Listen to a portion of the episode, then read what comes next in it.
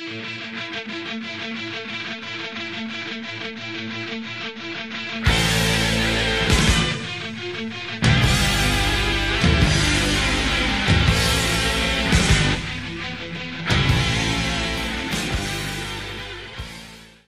og velkommen til vår podkast Psykologi og fremmedspråk.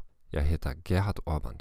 Jeg er psykolog, bokforfatter og tysklærer. Denne podkasten hjelper deg å forbedre språkferdighetene dine, uansett om du er nybegynner eller profesjonell. Jeg er ikke ekspert på norsk, og du har selvfølgelig allerede forstått dette.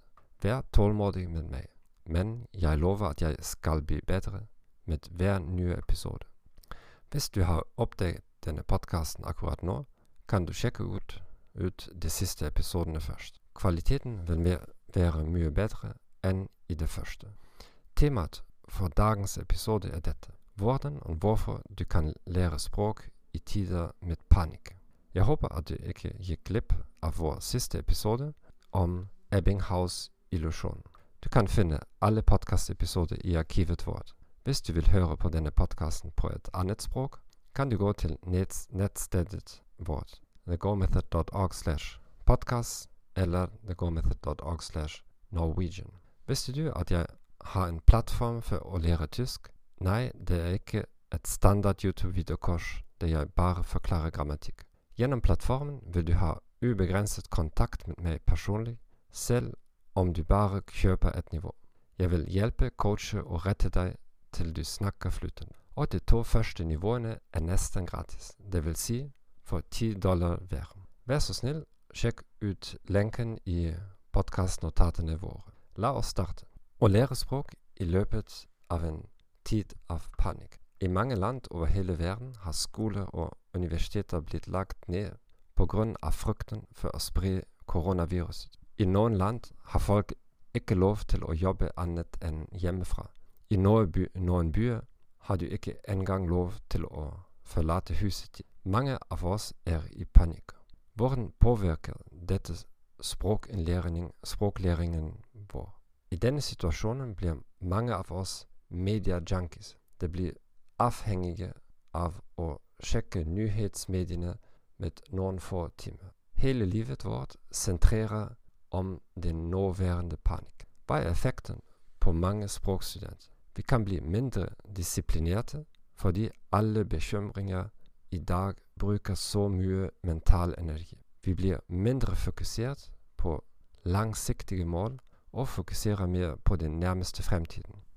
Vi tar i bruk usunne vaner, som å se på TV hele dagen. Hva er sjansene, hva er mulighetene?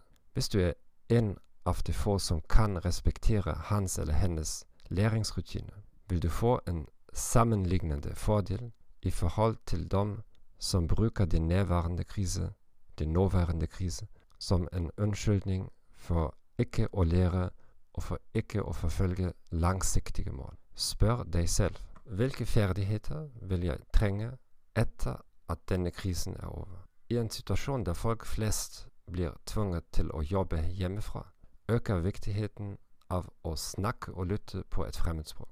Hvis du bare er flink til å gjennomføre skriftlige øvelser, er du på et veldig dårlig sted profesjonelt.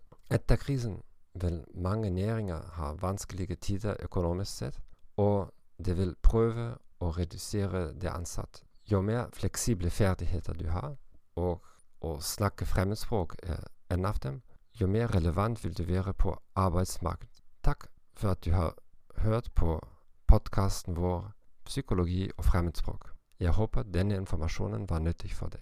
Abonner på kanalen vår på Apple Podcast, Spotify, Stitcher eller favorittappen din. Vennligst anbefale oss til dine venner og kolleger. Som jeg lovet før, vil språkdelen bli bedre med de neste ukene. Og la meg få vite hva du synes om dagens episode. Bare skriv meg en e-post. Fortell meg hvilke spørsmål du har, slik at jeg kan svare på dem i en av de kommende episodene. Jeg ønsker deg en fin dag, og farvel.